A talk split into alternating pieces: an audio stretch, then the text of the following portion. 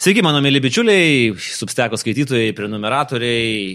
Čia podkastas prie vyno taurės pasimėm su mano svečiu po taurę sicilietiško raudono, tokio lengvo vyno burbulio vyninėje ir pradėsim kalbėti apie knygas, apie intelektinius žaidimus, apie istoriją. Ir su manim yra Robertas Petrauskas. Sveikas gyvas, Robertas. Sveikas, Andriu, sveiki visi tavo bičiuliai. ne, ne, ne visai. Yra tikrai nebejoju bendri bičiuliai, todėl kad turėjom bendrą tokią grupinę terapiją, tavo knygos Poltava skaitimą, mūsų knygų draugijoje, kur mes išsirenkam mėnesio knygą ir tada visi vienu metu ją skaitom ir po to aptarinėjom, uh, išsakom savo nuomonės ir, ir, ir panašiai. Ir iš karto buvo toks noras, uh, gal, gal galima ir Robertą išgirsti patį šiame, šiame podkaste, tai gal tada Robertai ir pradėkim nuo, nuo Poltavos. Uh, Daug nuo, turim klausimų. Nuo 18 amžiaus pradžios. Nuo 18 amžiaus pradžios pradėkime. Čia, žinai, yra ir senesnių laikų. Niekur neskubam, bet, bet pradėkime nuo 18 amžiaus pradžios ir tiksliau nuo, nuo tokio, nu, turbūt labai logiško klausimo, į kurį tu turbūt daug kartų esi atsakinėjęs, bet šiaip tavo skaitytojų ir a, mano lūkestis tai buvo atsiversti tavo naują knygą ir ten pamatyti 1941 metų lapkritį. Taip. Uh atomasga, kuri turėtų būti iki 42 sausio. Taip. Kas nutiko? Nu, aš e, turbūt esu keistas e, e, toks menininkas, nes iš marketinginio tokio požiūrio tai tikrai reikia daryti ketvirtą dalį ir tu žinai, kad visi ten tie žmonės, kurie Rinka, laukia jos partizimo, viskas, viskas būtų gerai. Bet aš, aš kažkokioje vietoje užstrigau, berašydamas tą ketvirtą dalį, aš esu gabaliuko jos parašęs jau labai seniai, bet dabar neprisimenu net, bet berašydamas kažkoks man, man kilo toks, kaip čia pasakyti, toks... E, keistas klausimas. E, kaip gali būti taip, kad e, ta keista šalis, e, kurioje mes nei vienas nenorėtumėm gyventi, kuri atėmė iš savo piliečių viską, ką galėjo - laisvę, žemę, artimus žmonės, Dievą, tasme, kuri atėmė iš jų viską, sugebėjo pareikalauti iš tų žmonių ir tie žmonės atidavė tiek daug už tą šalį. Ne?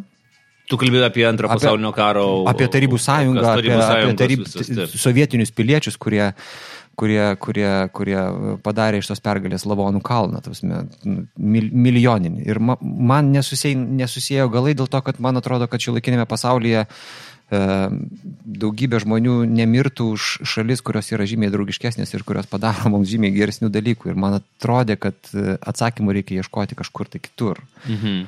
Va, ir aš pradėjau e, knaistytis po Rusijos istoriją. E, visą laiką sakau, kad mane nuvedė toli e, Piotro Stulipino frazė. Piotras Stulipinas buvo paskutinis caro ministras pirmininkas, kuris buvo vienas iš tų geresnių ministrų pirmininkų, vienas iš reformatorių, vienas iš tų, kurie tikėjosi, kad iš Rusijos galima kažką pastatyti. Jisai yra parašęs vieną sakinį, kuris mane ir nuvedė labai toli. Pas mus per 20 metų pasikeičia viskas, bet per 200 metų niekas.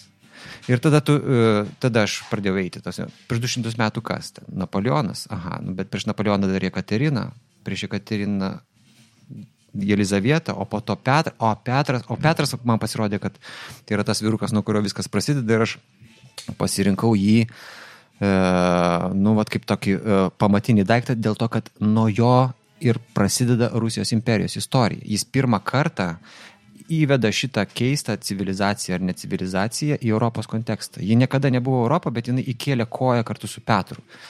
Ir tai, kas vyksta dabar Ukrainoje, tada nebuvo karo Ukrainoje. Taip, taip, taip. Tai nebuvo karo. Aš, aš net pabaigiau tą knygą, jeigu, būčiau paraš, jeigu ją būčiau rašęs vėliau, uh, turbūt, uh, turbūt būtų buvę kitokių akcentų. Uh, Va, aš esu gavęs tokių pastabų, kad Petras per geras personažas tenais. E, mano viena mano, iš pastabų buvo, ne? žinok, jo, bet, nes mes ir, e, ir beje labai diskutavom. Su, bet, bet, su bet, bet yra keletas dalykų šitoje vietoje. Dėl to, kad anksti yra rašyti verdiktą Poltavai, dėl to, kad aš Poltavą turėjau nutraukti per pusę, nes aš supratau, kad gaunasi vėl per didelę knygą, aš nenorėjau daryti plytos. Norėjau padaryti... Džordžas Martinas. Jo, jo, aš norėjau padaryti, aš norėjau padaryti priešingybę visiems toms mano, tem, tom, ten, nežinau, tiem triumfams, kurių neįmanoma, nu, į pležą tu niekaip nenusineši. Tai yra, aš norėjau padaryti soft cover, tokį, tokį patogų daiktą ir, ir aš perkirtu. Aš padariau kaip Sabriauskaitė. Palikau antrą dalį. Antroje dalyje viskas turi susivesti tasme, kad tie, tie, tie žmonės, kurie atrodo geri, nebūtinai yra tokie. Kad viskas, tasme, e, tu, tu, tu, turi susidėlioti galai.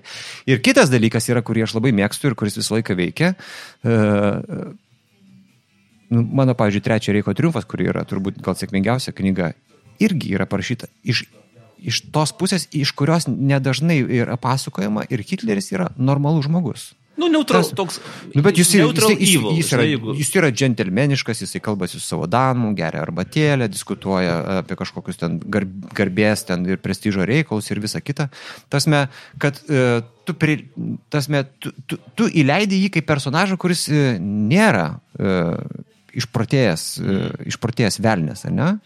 Ir tada tam žmogui, kuris įsivaizduoja, kad tai yra kažkoks maniakas, kuris, nu, kuriam kažkas su galva negerai, uh, nu, susijudina kažkas. Čia manipulacija, man atrodo, rašytojiška, kuri visą laiką padeda. E, padeda...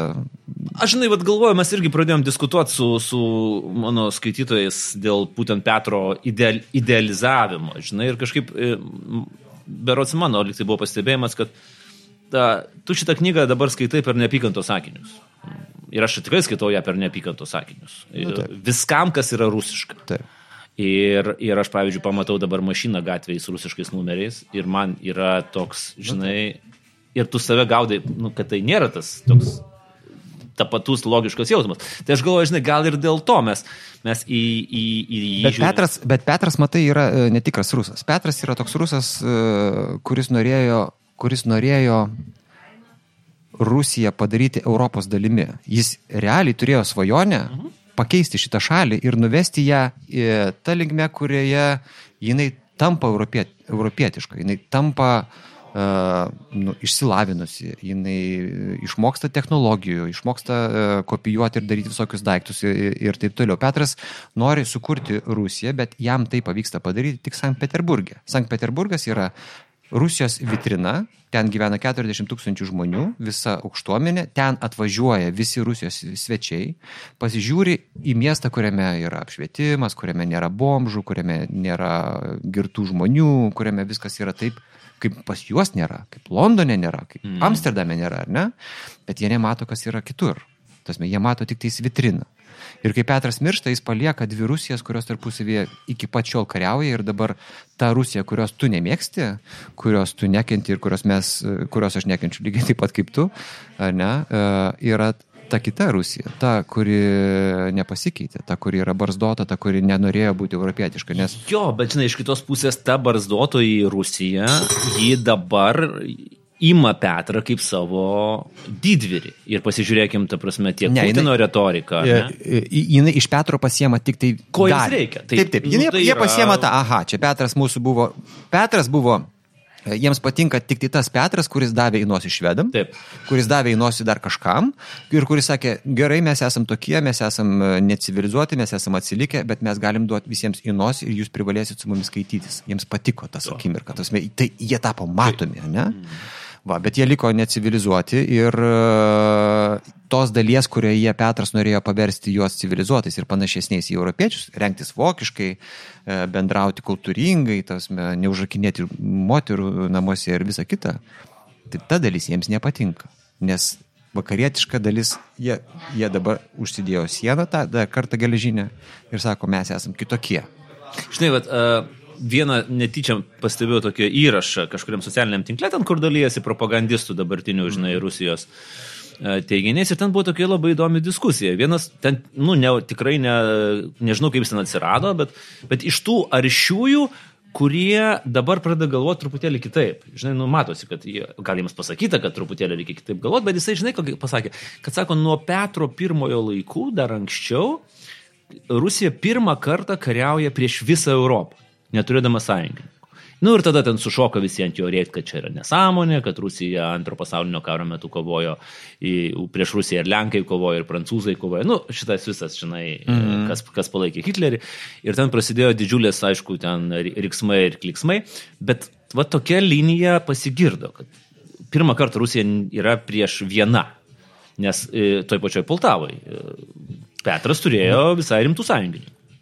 Poltavos prieš istorija yra ta, kad iš tikrųjų Petras pirmą kartą išveda uh, Rusiją į uh, europinį lygmenį ta prasme, kad jis sugeba įkalbėti savo kaimynus, Lenkus, kurie yra priešai, ar ne, mūsiškius, mumis. Taip, mūsų. Sukalb, uh, sugeba įkalbėti ir sukurti šventąją sąjungą, kurioje Rusija kartu su Lenkija, kartu su popiežium, ne, yra prieš Turkiją. Mm. Tasme, jie jinai tarsi tampa Europos dalimi, nes kartu su kitais europiečiais kovoja prieš e, kitatikius, kurie čia nori mums krikščionybei pakengti.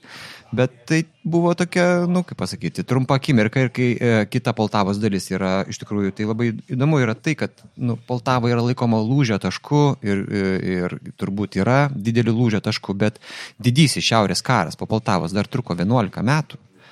Tasme, aš parašiau pusę knygos, e, tasme, jeigu matuoti pagal karą, aš parašiau Lygiai Tikrai lygiai pusė knygos, tik mm. tai. Ne? Ir kitoj pusėje, kai e, rusai pradeda vaznikalinti, kaip jie sako, Europoje, pradeda daryti visokius ten, nu, tuos dalykus, kuriuos daro necivilizuoti žmonės, vokiečiai ten e, ir visi kiti, kurie e, nėra prie to pripratę, pradeda suprasti, kad blemba susidėjom su uh, tokiais, uh, su kuriais reikia kuo greičiau atsikratyti. Ir pas juos prasideda galbūt pirmoji rusofobijos banga. Uh, istorijai. Tai Bet kaip įdomu, tos rusofobijos ir rusofilijos bangos, kaip jos persikloja.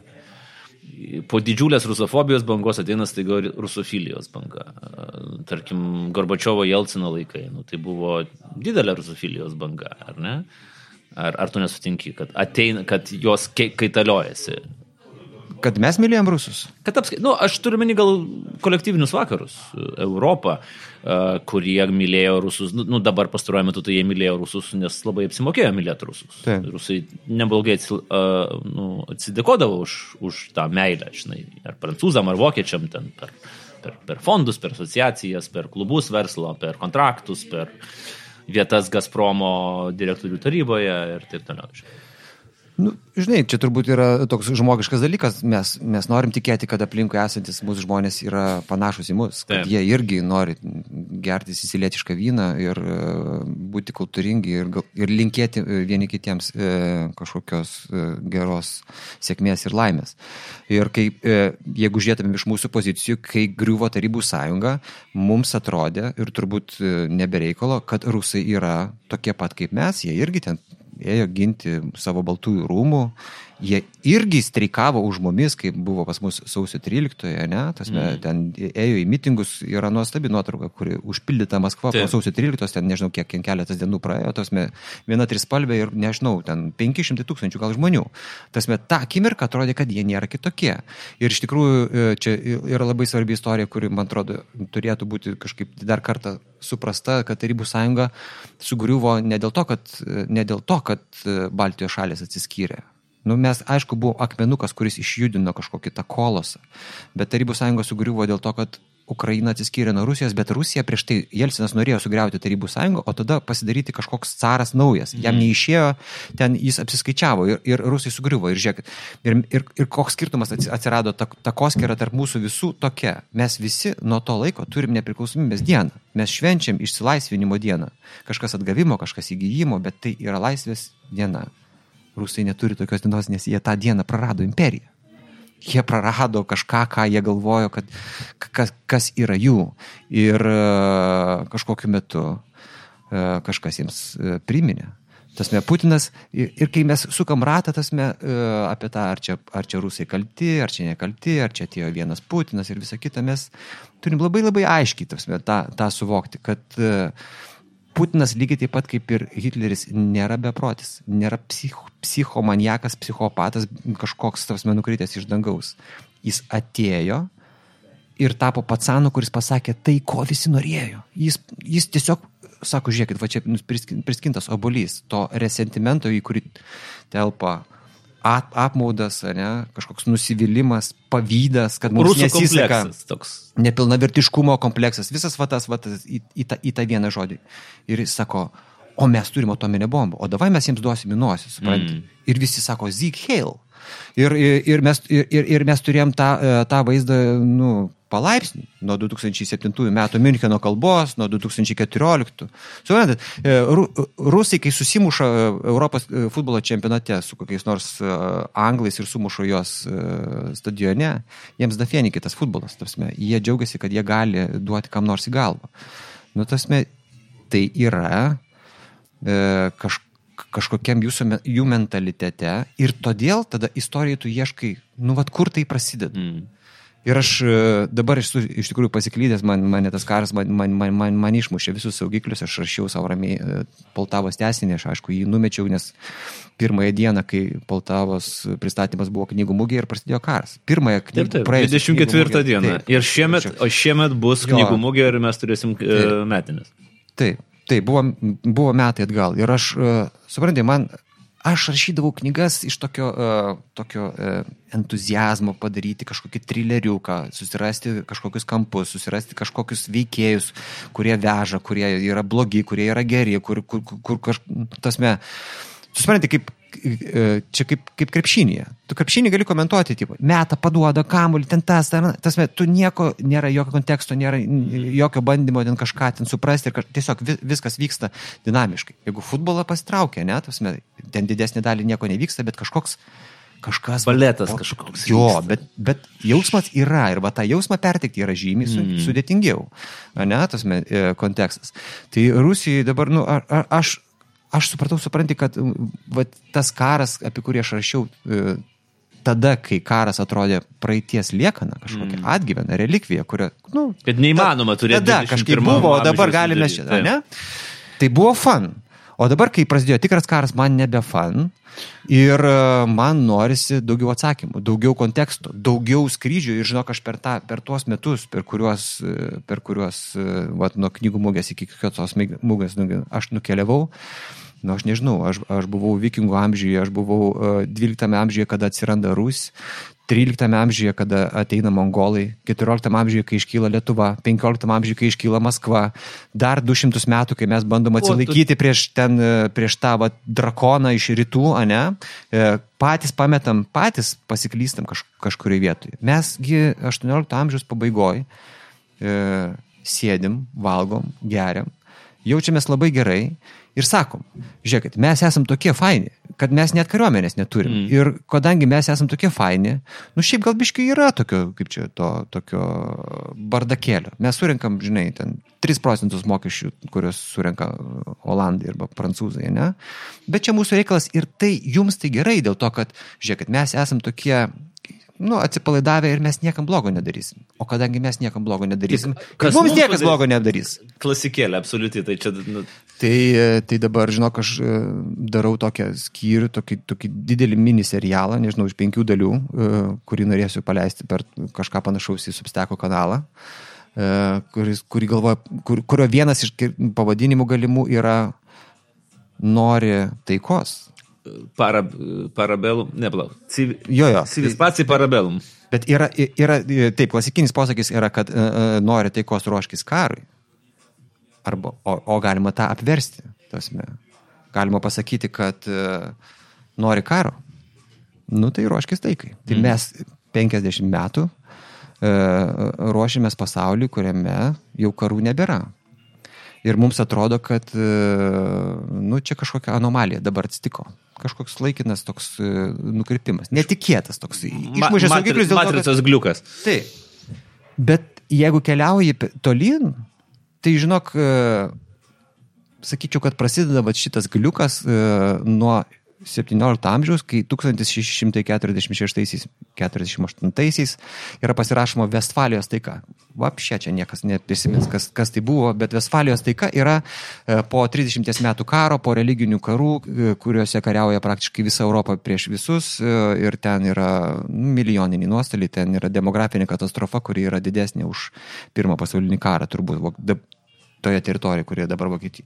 Ir po 30 mečių karo Europą pirmą kartą susiranda tokią idėją, kad negali tai būti. Mhm. Nu, negali mes ginčytis dėl to, kokį dievą tikim.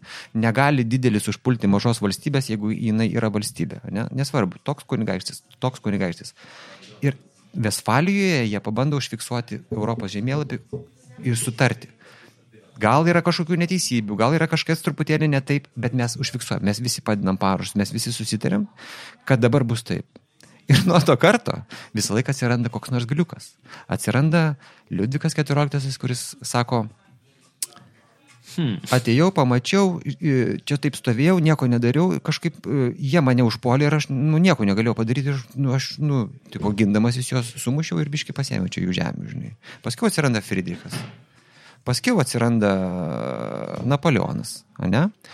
Paskiau po Napoleono stoja uh, šiokia, tokia taika ir stoja uh, tai, uh, ko real politik filosofai labai ilgisi - dvipolis pasaulis. Europą pasidalina į dvi dalis - yra Anglija ir Rusija.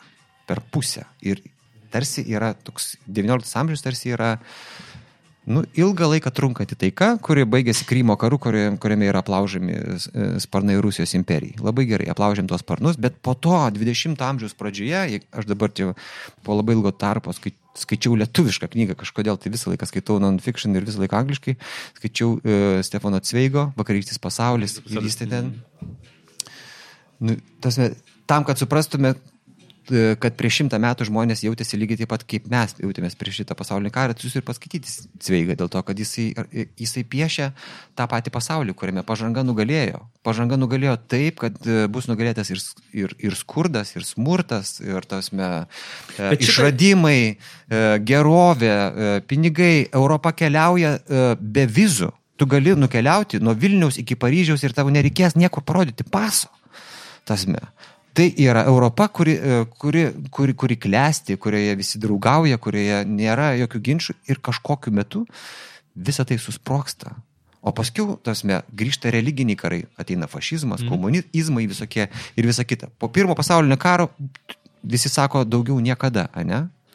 O Hitleris sako, o mes mm. norim atsirevanšuoti. Po antro pasaulinio karo vokiečiai sako daugiau niekada. O rusai sako, mes galim pakartot. Ir va toj vietoj, kur atsiranda dvi pusės. Vieni sako, daugiau niekada, kiti sako, davai, aš tau duosiu nosį. Kažkur per vidurį, Ukraina, įvyksta karas. Dėl to, kad jeigu tu esi pacifistas, tu, tas, pacifist, pacifizmas yra gerai pacifistinėme pasaulyje, kuriame visi yra pacifistai. Būtų labai gerai, bet tokio pasaulio nėra. Nu, mikrokosmosas, kuris yra Europos Sąjunga, yra toksai, ar ne? Mes nebeturim iliuzijų, Taip, bet... kad Prancūzija gali pradėti kariauti su Anglija. Nu, turbūt nėra iliuzijų per artimiausius 50 metų. Baimės. Gal ne iliuzijų, ba baimės. Ar tu žiūrėdamas į istorinės spirales, manai, kad net ir čia gali pasisukti? Kad, kad Vokietija užpultų Lenkiją? Nu, aš nežinau, aš žiūrėdamas istoriją galvoju, kad viskas yra, viskas yra įmanoma, nes jeigu taip, nu žinai, atsakant į tavo klausimą, tai turbūt atrodytų, kad Romos imperija, pavyzdžiui, nu, e, e, nei tokia imperija, kaip jinai galėjo sugriūti. Jeigu kas nors būtų paklausęs prieš šimtą metų iki jos subirėjimo, būtumėm gyvendami tenais, net neįsivaizdavę, kad taip gali būti. Bet visos imperijos griūna ir visos tvarkos griūna ir, vis, ir viskas griūna. Ir žinai, e, aš tai, nu kaip, nenoriu būti e, pesimistas, bet aš, e, mane, mane iškerta šitas karas. Dėl to, kad, e, ne dėl to, kad blogis egzistuoja. Tas, jis ta, ta, visada žinoj, buvo. Taip. taip, jisai visada buvo ir jis... Esmė yra tokia, kad blogis turi ir valią, ir galę. O geris, turėdamas galę, valios neturi. Ir blogis to naudojasi. Ir, ir, ir mes turim tikrai dabar beprecedentį situaciją, kuri viską keičia. Tasme, spiralėje šitoje uh, paskutinė mano knyga yra Sergio Plokio, kurią aš skaičiau apie, apie Kubos krizę. Puikus trileris e, e, apie tai, kaip vos nesusprogo pasaulis 1962 mhm. metais. Ir žinai, ir, jis vos nesusprogo, jis realiai buvo ant prarajos ribos. Ten yra toksai momentas, kada jau Hruščiovas supranta, kad prisidirbo, kad jo blefas buvo pakeltas, bet jis negali atsitraukti Amerika irgi negali nieko jam kažkokio tai labai duoti ir viskas pakimba ore ir kai jie pradeda ieškoti kompromiso, Krošiovas parašo laišką, kad gal mes netemkim to mazgo iš dviejų virvės pusių, nes jeigu mes taip temsim, temsim, gali būti taip, kad tas mazgas taip susiriš, kad niekas negalės jo atpainioti ir tada mums reikės nukirpti. Nu, čia tokia mhm. Krošioviška metafora. metafora. Aha, metafora. Nu gerai, tas laiškas išeina, pusę poros jisai keliaus iki Vašingtono, o tą naktį e, vandeninė Atlanto atsitinka toks incidentas. Amerikiečiai blokuoja uh, sovietinius laivus, uh, kad jie negalėtų priplaukti į Kubą. Bet tartų laivų yra povandeniniai laivai ir eskadrininkas kadrą pagauna vieną rusų povandeninį laivą ir jį persikioja, ap, apsupa taip, kad jis negali pabėgti, keturias valandas ten, žodžiu, vyksta, va, tos amerikiečiai nori, kad jis pakiltų, jis nepakyla. Uh, ir jie mėto tos tokius deep charges, nežinau kaip čia pasakyti, giluminės minas. Giluminės, giluminės minas. Pagal amerikiečių versiją jie mėtė tokias signalinės giluminės minas. Pagal rusų įsivaizdavimą tų, kurie sėdėjo tame povandeninėme laive, jiems atrodė, kad jie ateina kapiec, dėl to, kad aplinkui viskas sproginėja, garsas didžiulis, ne. Ir e, kapitonas, ir tai yra povandeninis laivas, kuris turi atominę bombą at, turi atominę torpedą. Mm. Ir kapitonas neturi ryšio su Maskva, dėl to, kad jie yra per žemai, negali pakilti. Ir kapitonas priima sprendimą paleisti tą torpedą, dėl to, kad greičiausiai, kadangi juos persikėjo, kadangi juos bombarduoja, prasidėjo viršui karas. Ir kad mums ar taip ar taip viskas, mes padarysim taip, kad ir jiems būtų viskas. Ir jis priima sprendimą paruošti tą torpedą, sprendimą turi patvirtinti politinis laivo vadovas, jis patvirtina ir tai buvo, kad tame laive buvo dar ir e, keturių tų povandeninių laivų brigados komandoras, vyriausiasis vadas Vasilijus Archipovas. Ir jisai sako, ne. Mes nežinom, ar prasidėjo karas. Ir jo balso pakanka, kad neatsitiktų katastrofa. Tai aš turėjau tik pasakyti tą, kad karą pradėti galima, o po to tu net ir norėdamas jį pabaigti, net abu norėdami mes pabaigti, galim nesugebėti jo pabaigti, paslysti į bedugnę. Ir žiūrėk, ir, ir, ir istorija, istorijos šitas moralas yra toksai, kad mums atrodo taip, kad Karibų krizė baigėsi gerai ir mums atrodo, kad tai yra dar vienas įrodymas, kad atominis ginklas nu, iš esmės keisdamas situaciją, jis yra kaip ir saugiklis. Nu, taip, tasme, taip. Nu, Deko, dekoracija. Neapsimoka pradėti karo, e, tasme, baisu, niekas jame nelaimės ir dėl to e, tarsi atominis ginklas yra blogai. Bet kodėl jis neatgrasė e, Hruščiovo iki nuėjimo iki pat pabaigos? Nes yra ir kita monetos pusė. Kita monetos pusė yra tokia. Tasme, aš žinau, kad šitame kare e, gali būti labai baisu. Bet aš taip pat žinau, kadangi aš turiu atominį bombą, kad jie manęs bijo. Labiau. Ir aš galiu galvoti, kad jie bijo manęs labiau. Mm. Ir žiūrėk, ir šitas yra neatgrasimas, o šitas dalykas, jis suteikia man laisvę.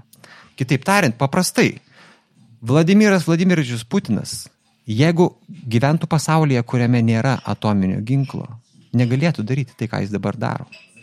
Dėl to, kad e, Rusija neturi nei tiek pinigų, nei tiek technologijų, nei tiek galimybių. Jei būtų pakirpti sparnai labai greitai ir paprastai, jis tiesiog negalėtų to daryti. Bet kadangi jis turi, jis, žiūrėk, e, visoje mano toje kelionėje aš tokio atradau tokį dalyką, kad e, žmonės nori prieštarauti man.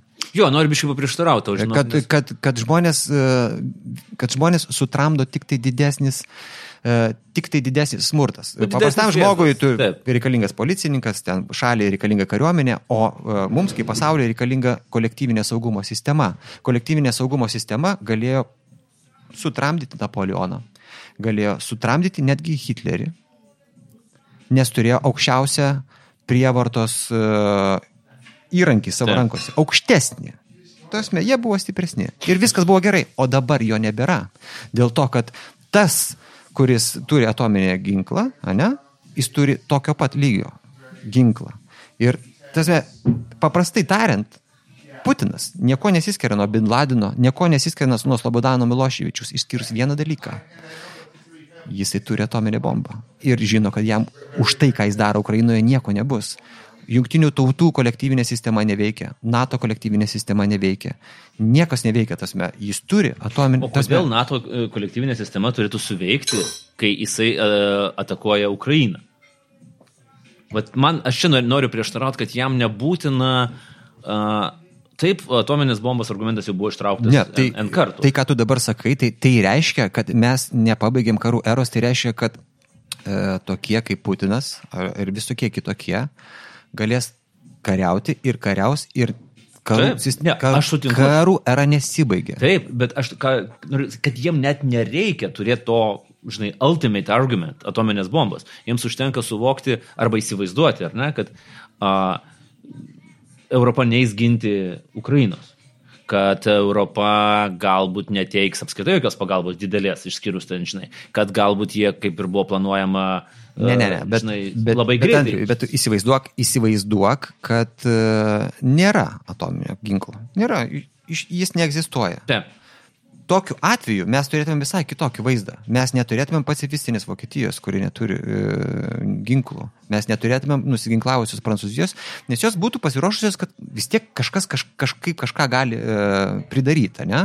Tasme, mes turėtumėm konvencinių ginklų e, sąjungą, kurioje e, būtų tas pats žaidimas, kuris vyko nuo Vestfalijos taikos iki pat e, antrojo pasaulinio karo. Po antrojo pasaulinio karo buvo sutarimas, kad baigiam šitos visus dalykus, kad yra raudonos linijos ir, e, ir raudonos linijos buvo peržengtos, nu nežinau, Kinija paėmė Tibetą e, Ir kadangi jinai Kinija, jai tai buvo leista padaryti, e, Sadamas Husimas pabandė paimti Kuveitą, kadangi jis e, neturi atominės bombos, jam tai buvo neleista padaryti. Ir trečias buvo Putinas, kuris labai ilgai bijojo peržengti, nes jis galvojo, kad ta raudona linija iš tikrųjų nu, yra svarbi. Tasme, jis, ir, mhm. jis, ir, jis tikrai bijojo ir Moldovoje, ir Abhazijoje, Gruzijoje. tasme, Gruzijoje, tasme, jis darydavo tos visus tos praėjimus kažkokius, bet pagal tartutinės taisyklės. Nes nerašyta taisyklė yra, kad tu negali okupuoti, aneksuoti kitos šalies. Ne? Čia Hitlerio laikai. O tada jisai paėmė Krymą, galvojo, kad jam kažkas bus. Ir jam nieko nebuvo. Ir viskas. Ir jis suprato, kad, uh, suprantat, kai jis, kai, kai, kai jis ruošė tai, ką jis padarė, buvo daug protingų žmonių, kurie sakė, kad jis yra beprotis buvo daug žmonių, kurie bandė kažkaip tai racionaliai atkalbėti ir visą kitą. O paaiškėjo, kad bepročiai yra jie. Kad jis yra teisus. Jis matė tuos kirminus, kurie Münchenė sėdėjo, žinai, ir su Hitleriu kalbėjo. Tasme, jis pasinaudoja progom, jis, tasme, jis yra geras žaidėjas. Tasme, tai ir, rusai jį myli. Jis, e, jis, jis bus įrašytas didžiosiamis raidėmis į jų istoriją, nepriklausomai nuo to, kaip pasibaigs. Čia e, mūsų noras, taip įsivaizduoti, kad va, ten jį išbrauks, ten išniekins Oi, kažką. Ne, ne, jisai, jam neįdomu, ką mes galvojam, jam neįdomu, ką kinai galvoja. Mes, mes irgi nežinom kinų ten istorijos ir visa kita. Tai uh, jis galvoja tik tai apie savus ir, ir, ir jis yra didis veikėjas. Nes... Kaip pas tavo knygoje, kur Štai, buvo pačioje pradžioje tas lentelė, ką no. rusai laiko didžiaisiais. Tai žiūrėk, kaip, kaip, kaip Stalinas greitai grįžo į į, į pirmas vietas. Tai turbūt Taip. po to bus Putinas po kokių dešimties metų, nebent, nu, nežinau, kas gali nutikti. Nu. Kad Gerai, gal čia mes e, šiek tiek staptelim ir uh, toliau pratęsime mūsų pokalbį, nes mes tikrai nukrypam truputėlį nuo Poltavos, Nukrypam. bet, nu, žinai, čia turbūt tas momentas yra, kad tu negali kalbėti apie tavo knygą atsiribodamas nuo istorinio konteksto. Ir mes, aš net nespėjau dar pa, užduoti vieną klausimą, kurį, prie kurio mes va tuoj, tuoj pat grįšim apie tą 90-ųjų, tavo truputėlį tokia buvo trumpa analizė apie 90-ųjų metų Rusiją po subirėjimo. Aš norėsiu dar prie to truputėlį grįžti ir dar panalizuoti Poltavą. Tai mes pratęsime. Tu irgi šakinėjai, tu irgi taip, šakinėjai. Taip, taip. Nuo Poltavos iki 90-ųjų čia neblogai. Bet ten tavo knygos pradžioje buvo šitas. Taip, taip, tai buvo čia prologas. Jo. Mhm. Tai mes dar grįšim prie prologo ir tada jau e, antroji dalis pokalbio skirta mūsų prenumeratoriams.